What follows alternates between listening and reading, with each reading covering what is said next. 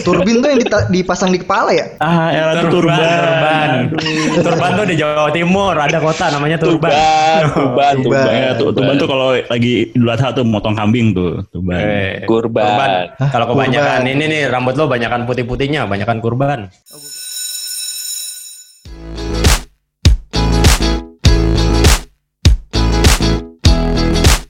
Assalamualaikum warahmatullahi wabarakatuh. Waalaikumsalam.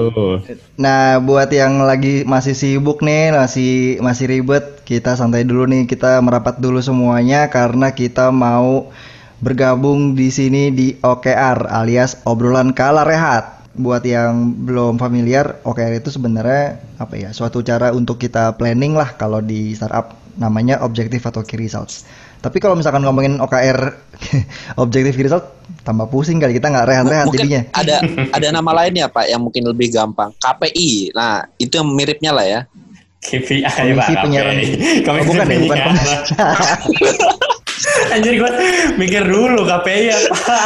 Emang bener coy Eh namanya. bener KPI kok komisi Iya, iya, penyiaran. iya. Ya, benar, benar, benar, benar. Bener bener bener, lu nggak salah Ya, semacam semacam itu lah ya, semacam KPI lah ya buat ngeset eh, apa tujuan, target gitu satu quarter ke depan seperti apa. Tapi biar nggak gitu apa ya, biar nggak gitu nggak jelas juga ya kan daripada GJ-GJ mendingan kita bahas obrolan-obrolan yang kayaknya bakal seru dan eh, layak buat kita semua tahu dan kita paham kalau emang kita mau eh, kerja di startup kali ya. Kan kayak kebayangnya kalau misalkan sekarang banyak orang mau mempertimbangkan atau pengen kerja di startup tapi mungkin belum tahu tuh mau mulai dari mana. Atau bahkan yang lagi ke- udah kerja di startup terus bingung.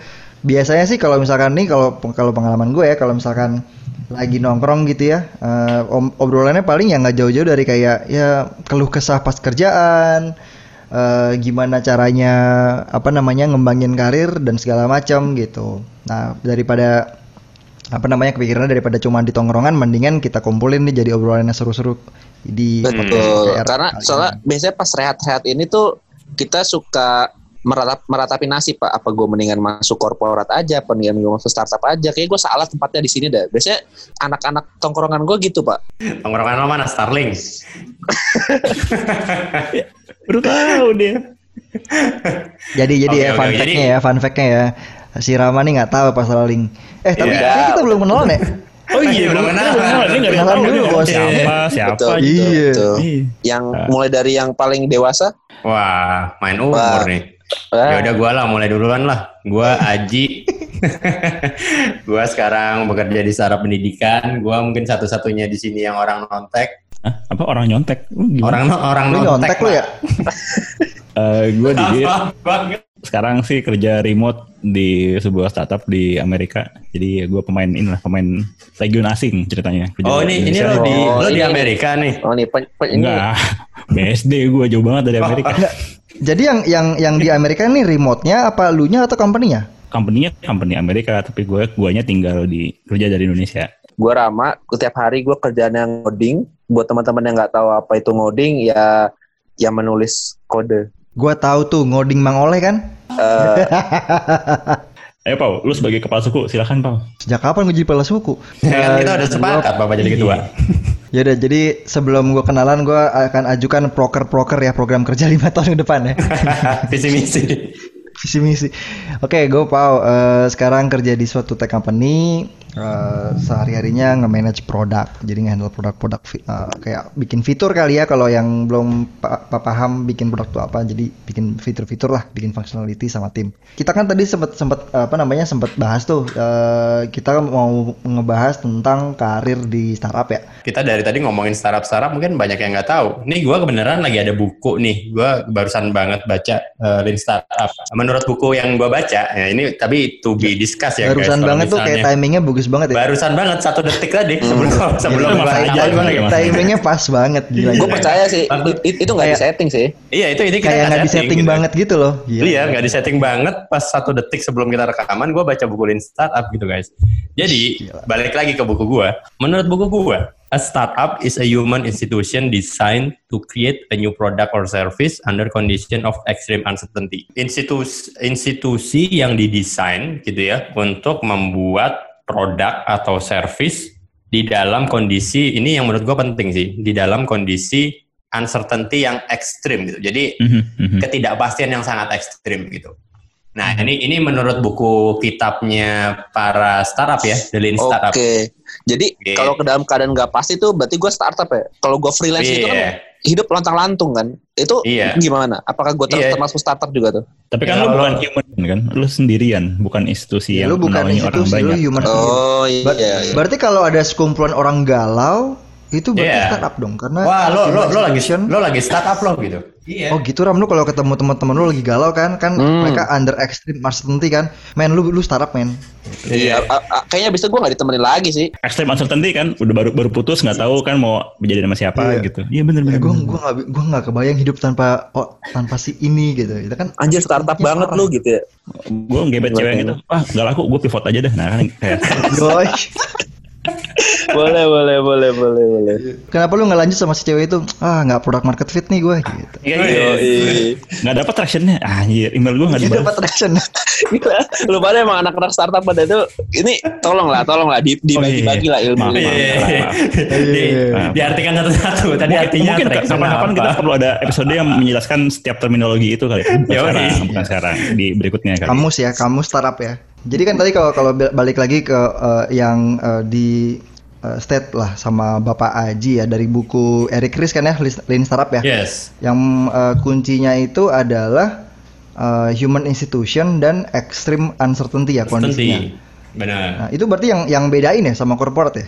Iya, menurut gua kalau di korporat berarti kan uh, uncertainty-nya udah nggak ada ya. Jadi eh, ya dia udah stabil gitu. Makanya disebutnya mungkin korporat gitu kan. Tapi kalau di startup eh, ya karena memang didesainnya untuk eh, menghadapi extreme uncertainty tadi gitu. Makanya akhirnya dibutuhkan kecepatan gitu kan. Terus banyak eh, ini. UMKM masuknya apa tuh, Ji? Ya sebenarnya eh, menurut gue ya ini ini balik lagi tuh we discuss eh, masuknya eh, harusnya startup sih. Jadi sebenarnya Oke. startup itu bukan terminologi yang baru ya. ya ya Cuma sekarang jadi buzzer aja gitu. Jadi kayak semua orang, wah gue pengen kerja di startup, gue pengen kerja di startup gitu. Padahal padahal tuh gue mau ngusulin sebenarnya istilahnya namanya urin, usaha Urin? rintisan. ya tapi kan Nggak salah, Kan itu, nggak- itu, nggak itu, itu enak. sebenarnya itu sebenarnya bahasa enak Indonesia yang sih. benar sih. bener. Iya, benar, benar tapi juga sih. Benar, benar. Iya urin tapi nggak. Boleh sih. Gue mau ngeluarin urin ah gitu ya. Iya. oh gue anak urin nih gitu Iya iya enak urin. Eh tapi tapi tadi pertanyaannya Rama menarik ya. Kalau UMKM gitu, berarti kalau kalau misalnya kerja di warteg gitu, berarti lo kerja di startup dong. Juga. kalau wartegnya under extreme uncertainty, iya Nah, bener, iya. balik lagi ke Oke, oke. Bener, Berarti kalau wartegnya kalau lu misalkan lu di wartegnya startup. warteg bahari kan, lu di warteg Oh, bahari iya. tuh yang chainnya udah udah gede gitu kan, udah kayak McD, ya mungkin itu udah Udah. lebih kayak Oh, itu udah sih. korporat ya. Udah korporat. ya lu buka warteg di Silicon Valley nah itu mungkin startup kali menurut gue Yo, iya bener. Yo, warteg.io anjay oke oke. Anjay. Ya, gue bikin dulu dah gue bikin domainnya dulu bener Burjoyo ya, Burjoyo. Nah, berarti kalau Kalau- balik kalau- lagi kita ke definisi, berarti eh, gimana dong kalau eh, menurut menurut lo deh, Pau? Ini tadi kan menurut gua dan menurut buku yang gua baca, kebetulan tadi gua baca gitu kan. Kalau menurut lo sendiri apa? Lo setuju nggak sama definisi itu atau lo punya definisi yang lain? gue setuju. Terus udah gitu doang. Ji, coba coba tanya gue dong, tanya gue dong, Ji, tanya Ya udah, ya udah, coba kalau Rama, menurut Rama gimana sebagai pekerja startup? Lo sepakat gak? Ya sebenarnya menurut gue itu bukan sebuah hal buat didebatkan sih. Yang penting Wih, wise banget. iya Tumben ya anak bener. Yang penting ujung-ujungnya kita bisa bekerja di tempat yang sesuai dengan dengan Passion, kapabi- Bayo. passion kita, passion kapabilitas, situasi, kondisi, si kon situasi, kondisi, Toleransi. Toleransi. ya, ya, ya, ya. Benar, benar, benar, benar. Oke, oke, oke, Kalau oke. kalau menurut lu Dit gimana Dit? ya kalau gue ngeliatnya sebenarnya ya meskipun sama-sama aja ya tapi beda utamanya sih itu sih tadi yang dibilang sama Aji juga startup tuh biasanya emang core produk kan mulai dari kita nyatanya tuh bikin produk gitu dan nanti Mhm. Itu jadi titik awalnya nanti scalingnya juga pakai si produk itu gitu. Eh, beda kan sementara kalau kalau korporat kan ya mau bisnisnya pure service atau pure trading juga ya bisa-bisa aja tanpa tanpa punya produk sama sekali ya gitu. Ya mungkin itu kali yang yang yang yang ngebedain apa siklus hidupnya enterprise sama startup kali. Hmm, hmm, hmm. Tapi sebenarnya kalau misalkan apa nggak nggak dipungkiri eh, big corporate yang ada sekarang itu juga dulu sempat jadi startup kan berarti. Mhm, mhm, mhm. Kayak misalkan apa ya? Mungkin GE zaman-zaman dulu pertama kali gitu kan atau Edison gitu ya pertama kali nemuin Nah. lampu, woi gue bikin startup nih gitu kan. Kayaknya dia nggak kepikiran deh. Gue mau bikin startup, gue mau bikin lampu. Dia kepikiran. Oh iya Nah, benar. betul betul. Jadi salah Iya. banget tuh kalau tadi lu ngomong gue mau bikin Oh, iya. startup. Bukan, bu- Bener bukan di situ intinya ya. Dia, dia lagi nyari lampu. Oh jadi, wah ini bijak banget nih Rama nih, jarang-jarang. Jadi kalau lu mau bikin startup, lu jangan berpikiran gue mau bikin startup, tapi gue mau bikin solusinya, gue mau bikin lampu, gue mau menerangkan kehidupan orang-orang di dunia gitu. Yo, i, itu, itu. Gila, Ram. Gila. Insight. Filosofis banget, Rom. Eh, Ji, Yo, yo. eh, biar kita nggak terlalu ini ya, saya track ya. Yang gue tahu, lu kan sebelum di sarap pendidikan yang sekarang lu handle ya, yang lu, lu kerjain, lu kan sebelumnya sempat di, di salah satu big corporate lah, bisa dibilang kan. Boleh disebut Eh, nggak tuh? Boleh disebut nggak? Boleh disebut nggak sih? Eh, ya udah boleh, boleh udah boleh. Sebut saja Siemens. Ya sebut aja namanya Siemens ya. Eh, Oke. dan itu kan dan dan dan itu kan di apa ya udah udah gede lah gitu. Siapa yang nggak tahu Siemens gitu kan? Mungkin anak-anak muda zaman sekarang mungkin nggak tahu, tapi mungkin Ya. angkatan kita tahu lah handphone handphone Siemens lah. least. Wah, betul. HP HP betul. pertama gue Siemens. Sekarang Siemens memang berubah menjadi kipas ya. Perusahaan kipas sekarang deh. Koki, pas pak. Kok kipas? Turbin pak. Kipas. Turbin. Ya elah. Kipas pas Xiaomi kali. Xiaomi. Turbin tuh yang dipasang di kepala ya? Ah, elah tuh Turban, turban. Turban. Turban tuh di Jawa Timur, ada kota namanya Turban. Tuban, tuban, Tuban. tuban. Ya, tuh, tuban tuh kalau lagi Idul Adha tuh motong kambing tuh, tuban. Eh, Kurban. Hah, Kalau kebanyakan kurban. ini nih rambut lo banyakan putih-putihnya, banyakan kurban. Oh, gue kira banyak bedak. balik balik balik balik balik. Oke oke, gimana gimana tadi pertanyaan lo, Pak? Nah, gue tuh tadi mau nanya, kan lu kan eh, apa sebelum di sarap pendidikan ini kan lu eh, kerjanya udah ya bisa bisa dibilang kerjaan lu udah settle lah gitu, udah udah mapan Hmm. lah di di apa di Siemens kan. Nah, eh, dari dari dua kondisi ini menurut lu bedanya apa sih kerja di big company yang kayak Siemens gitu sama sekarang eh, lu kerja di startup? Ya, eh, sebenarnya yang paling eh, ini balik ke definisi kita di awal tadi sih. Yang paling membedakan itu eh, kalau di big company kan semuanya settle ya. Jadi eh, ya udah gitu lo bisnis as usual aja gitu. Jadi kayak semuanya eh, udah ada peraturannya gitu kan. Eh, setiap hari ya lo melakukan hal yang sama gitu. Nggak ada tantangan dan nggak ada inovasi aja gitu. Wih. makanya akhirnya eh, gua ya bosen lah hidup cuma gitu-gitu doang gitu kan. Terus akhirnya eh, gua sekarang eh, bikin startup baru gitu ya ya udah di situ akhirnya jadi lebih banyak inovasi banyak coba-coba gitu kan. Jadi ini, nggak ini, boring. ini ini tolong ya kalau ada teman-teman yang kenal ada temannya di Siemens berarti Aji secara nggak langsung bilang bahwa Siemens itu tidak ada tantangannya. Jadi bisa ya ini, Aji ini teman-teman Aji saya ya. nonton coba langsung aja Atau lu kali yang gabut Ji, bukan bukan salah salah iya lu. bener kayaknya teman-teman gue yang lain sibuk kenapa gue nganggur gitu langsung aja samperin di Pondok Cabe ya pondok cabe rumah gue pondok cabe Tapi Iya.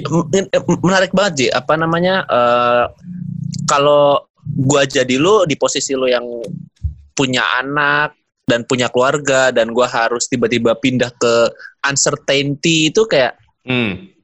Udah dihina-hina ini kayak gua sosial gua kayak mak bapak gua ngapain kamu deh gitu paling hebat hebat lu nggak digituin Ji Ya, enggak sih kalau kalau orang tua gue kecing enggak ya. Eh, dan keluarga gue juga support-support aja karena mungkin daripada gue malah eh, bete gara-gara nggak ada tantangan gitu ya, malah stres nyusahin orang di rumah. Jadi ya udahlah serah-serah lo lah ngelakuin apa gitu. tantangan sebenarnya bisa dicari ya nggak sih Iya, tapi eh, balik lagi sih eh, by definition tadi ya, karena kalau di eh, big company itu pasti akan secara culture itu akan lebih sedikit sih. Karena kan eh, ya, ya lo gini lah, semuanya udah jadi gitu. Terus kalau lo itu mau nge-challenge sesuatu, lo mau ada inovasi baru, itu pasti bakalan ribet banget. Gitu. Beda kalau di startup kan, kalau di startup kan memang semuanya masih eh, inovasi masih banyak, lo masih bisa nyoba banyak hal gitu. Jadi eh, lo kalau punya ide baru, lo itu gampang buat dilakuin gitu. Bener nggak sih? Mungkin Pau atau Didit yang di kantor lo gimana? Startup gitu bener nggak kayak gitu? Eh, kalau di gue sih iya, karena kan emang mulai dari nol nih, dari nol banget, sama sekali belum ada produknya, bikin sesuatu, terus dan emang dikejar waktu kan, mesti mesti mesti ada, mesti bener-bener dapat market tuh.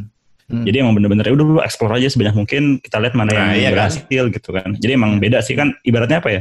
Buka jalan lah gitu. Buka jalan kan lebih usaha banget. Ya benar-benar. Iya. Kalau tadi kan eh, kita ngomong itu karena awal ya baru, jadi buka hutan. Nah kalau eh, lo Pau kan lo di perusahaan tech tapi kan yang gede ya, itu masih disebut startup nggak Pau?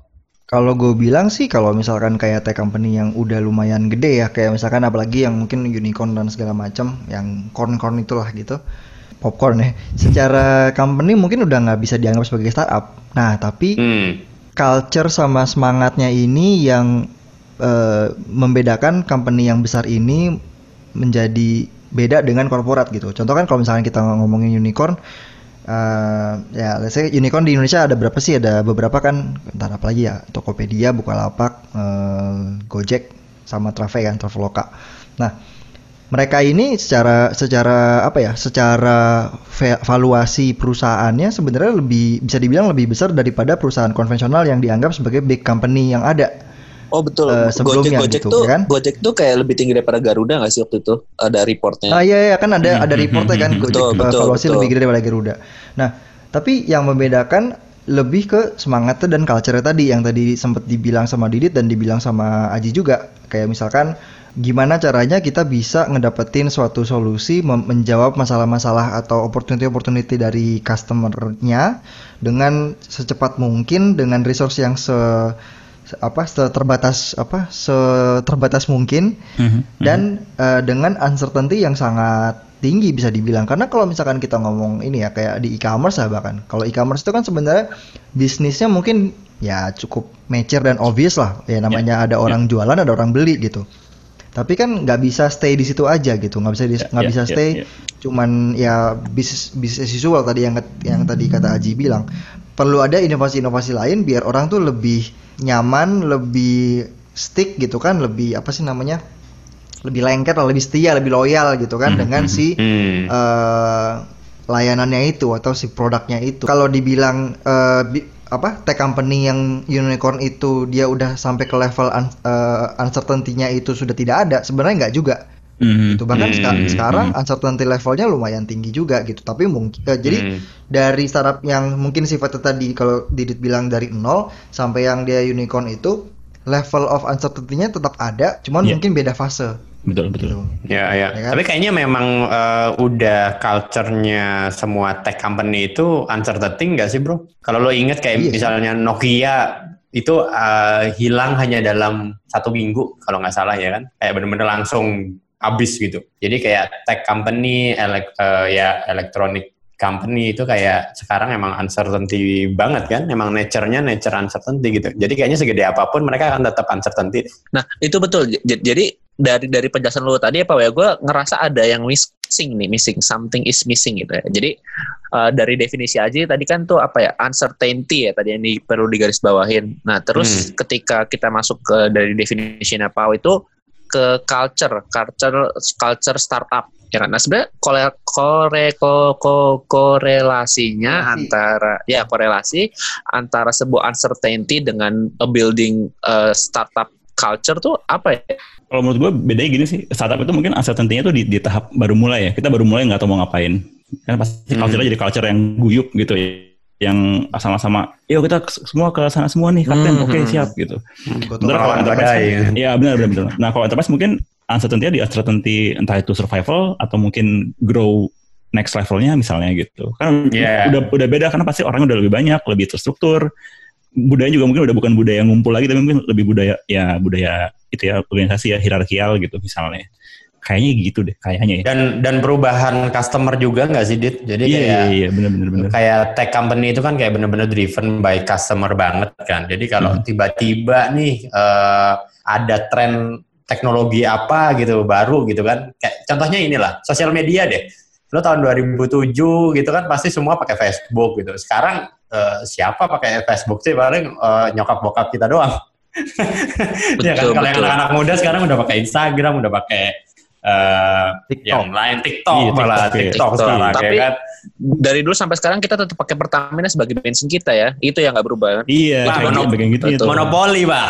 Oh monopoli gitu gitu siap siap siap. Eh, kalau gue dari lihat dari lu semua, lu sebenarnya pada prefer ke startup ya sebenarnya? Atau atau salah di perspektif gue nih? Ini, ini menarik sih karena gue baru beberapa hari yang lalu tuh di kontak sama teman gue gitu dia nawarin Dit mau gak lu pindah ke enterprise lagi balik ke enterprise lagi? Gitu. Dia, dia nyebutnya gitu lu mau gak balik ke enterprise lagi? Gitu. Cuman ya gue bilang gue kayaknya nggak cocok di enterprise setelah dari pengalaman kerja gue selama beberapa tahun ini gitu ya. Gue paling gak nyaman sebenarnya kerja di enterprise gitu karena mungkin gue pribadi emang senangnya ngoprek buka bikin hal-hal baru gitu. Kalau gue Hmm. di, nggak dikasih ruang buat bebas berkreasi gitu gue bakalan nggak nggak berkembang gitu. Jadi ya masalahnya masalah preferensi ini sih preferensi karir sih kayaknya. Oke, ini sungguh perbedaan yang gue lihat. Kalau gue ngomong sama teman-teman gue dari lulus kuliah ya dari lulus kuliah tuh kayak oh, ya udahlah jalur jalur ini aja lah jalur jalan tol aja lah PN negeri eh, kuliah negeri PNS PMN pensiun sukses gitu ya. Jadi ya gue nggak tahu apakah apakah paradigma kayak gitu terjadi di di lingkungan gue doang atau gimana ya atau atau gimana? Di, di tempat kalian Kayaknya paradigma gitu juga? tergantung sih. Ada yang ada yang ada ada yang enggak gitu. Eh, ya sebenarnya kan pada akhirnya kalau kita ngomongin ke paradigma kan dari orang tua sebenarnya orang tua pengennya anaknya eh, ten- apa hidupnya tenang nyaman sukses gitu kan. Nggak nggak susah gitu kan. Karena kayak misalkan kayak kayak gue nih gue sebenarnya se- kalau sekarang kan emang kerja di startup. Dulu awal awalnya gue mulai dengan bikin startup sendiri gitu. Dan berarti kan hitungannya gue bikin usaha sendiri. Di saat eh, gue tumbuh dari eh, lingkungan yang merasa eh, setelah kuliah kerja dulu aja gitu jangan bikin usaha gitu. Kerja dulu untuk untuk belajar untuk ngerti bisnisnya baru bikin usaha gitu. Jadi kayak kalau lo mau bikin usaha jadi pahamnya kalau lo mau bikin usaha lu belajar dulu lu eh, ininya dengan cara kerja sama orang lain dulu gitu. Sedangkan gue abis kuliah langsung bikin sendiri. Nah ya di situ bisa dibilang satu setengah tahun awal lah ya eh, berusaha untuk meyakinkan gue bisa kok bikin usaha gitu. Atau gue bisa kok dengan jalan gue sendiri gitu. Jadi tapi yang yang yang akhirnya sekarang ya setelah beberapa tahun mele- melewati segala macam perjalanan ini gue ngerasa eh, mirip dengan apa yang di- tadi Didit bilang eh, bahwa ya gue butuh tempat ka- berkarya yang tapi yang yang yang ngasih ruang inovasi juga gitu. Karena kalau misalkan eh, nger- ngerjain hal yang sama gitu-gitu aja gitu kan terlalu banyak seremonial dan segala macam gue bakal bosen. Gue bakal ngerasa saturated gitu kayak jadinya nggak nggak semangat. Tapi kalau misalkan dikasih hal baru di, di challenge hal baru kayak oh ini kayaknya bisa nih kita lihat dari sini sini sini sini gitu. Jadi karena lebih karena itunya sih lebih karena apa namanya gue suka suka hal-hal baru dan so far dengan kerja di startup itu mengakomodir preferensi itu Tapi menurut gua, gua nambahin dikit sih itu kayaknya dari gara-gara culture kita di Indonesia deh. Jadi kayak eh, culture-nya kita sebagai orang Indonesia itu kan memang safe ya. Jadi kayak di negara kita aja eh, musim cuma dua cuy. Kalau lo nggak musim panas ya musim hujan gitu kan. Lo nggak pernah. banyak coy musim nggak- rambutan musim durian Oh iya benar ya. musim kawin gimana Iya Musim benar. musim kawin, tuh musim kan? kawin Salah berarti statement gua. Gua, gua cabut ya, gua cabut gua. serius serius. Jadi eh, lo itu tidak terbiasa menghadapi eh, saat-saat uncertain gitu kalau di Indonesia dari segi musimnya ya gitu. Kayak lo tiap hari ada matahari gitu kan. Jadi kayak eh, akhirnya nature-nya itu kita udahlah lo jangan cari yang aneh-aneh gitu. Ya or- Cari aman orang ya. tua kita eh, aman-aman aja gitu kayak lo kuliah kuliah kelar lo masuk PNS atau BUMN gitu kan lo dapat pensiun udah gitu. Challengingnya itu agak agak kurang menurut gua gitu ya. Nah ini Oke. yang mungkin agak berbeda dengan orang-orang di startup ya. Jadi dengan masuknya banyak sekarang eh, culture culture startup ini lumayan agak merubah culture orang Indonesia gitu nggak sih menurut gue sih gitu ya. Jadi kalau tadi eh, Rama bilang paradigma kesuksesan sekolah negeri, PTN, PNS, BUMN sukses ya itu masih ada, tapi kayaknya di generasi yang lebih tua nggak sih? Kalau di generasi kita kayaknya udah nggak terlalu deh. kita juga nggak bisa mendiskreditkan BUMN atau PMS ya PNS gitu Oh, iya, iya. kalau semua di startup kita yang bikin KTP siapa dong Yang Oh, iya, bener KTP juga. Nggak ada ntar kan yang bikin KTP AI nanti. Terus bensin ntar siapa? Masih jauh. Iya, nggak nggak Iya. bisa juga. Tapi sebenarnya ya sebenarnya gini ya, itu tapi itu juga harus perlu di-highlight sih bahwa sebenarnya dengan kita bahas eh, apa apa mendingan kerja di startup atau korporat bukan berarti kita menganggap kerja di korporat itu hal yang buruk sih, nggak juga gitu. Cuman Hmm. eh, mungkin yang yang yang kita mau eh, apa ya share di sini yang yang mau kita obrolin juga adalah bahwa em, ya kalau misalkan kita mau kerja di startup atau kita mau kerja di korporat yang penting kita paham dulu tuh eh, kondisinya nanti seperti apa Ya. dan pada akhirnya cocok-cocokan gitu kita cocok nggak dengan Betul, culture betul. yang ada di situ bahkan sebenarnya kalau kita ngomongin startup sendiri eh, startup company A sama startup company B itu juga punya culture beda-beda gitu kan Ya, ya. ada yang mungkin eh, misalkan eh, kayak eh, apa namanya eh, Didit sekarang di company US eh, di misalkan nanti dia di company Europe gitu di Eropa nah itu aja mungkin culture beda itu Betul, juga belum betul, tentu betul. cocok gitu Cocok kan tuh. jadi ah, ah. Hmm, jadi eh, yang paling penting adalah kita mungkin paham kondisinya bakal kayak gimana, culture cocok atau enggak, dan akhirnya jadi kita ngerasa apa ya betah berkarya di tempat tersebut.